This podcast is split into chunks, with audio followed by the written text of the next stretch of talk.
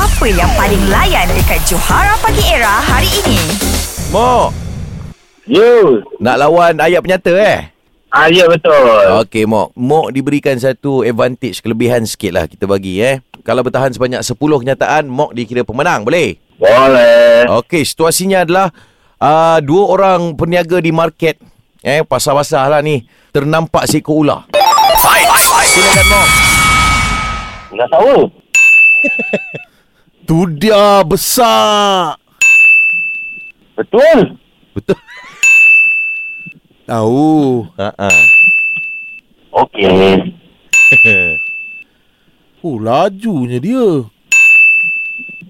Bumbu, bumbu, bumbu, bumbu. Bomba, bomba santai. Tangkap, tangkap, tangkap, tangkap. Tok pembulu. Tok Pengulu, dia panggil Tok Pengulu. Jaga ayam tu. Itu Johan. Itu Johan.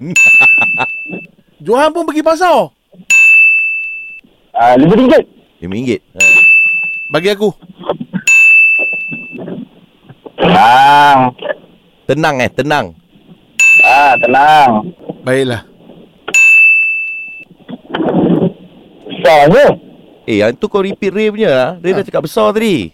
Ah, kalau betul, maksudnya saya salah lah. Macam terleka sikit lah kan. Ah, itulah sikit Ha. Kata yeah. Kan awak banyak main benda yang singkat-singkat ni, pendek-pendek. tu yang tepat. Benda tu pleasure tapi tak selesa sangat lah pula. Play safe sangat pula Crazy eh. sangat pula. Ha.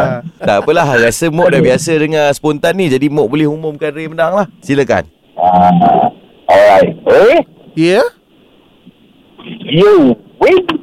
Ya lah. Terima kasih Mok Alright. Catch up dengan lawak-lawak on points yang Johara Pagi Era delivery setiap hari Isnin hingga Jumaat. Bermula 6 pagi hingga 10 pagi.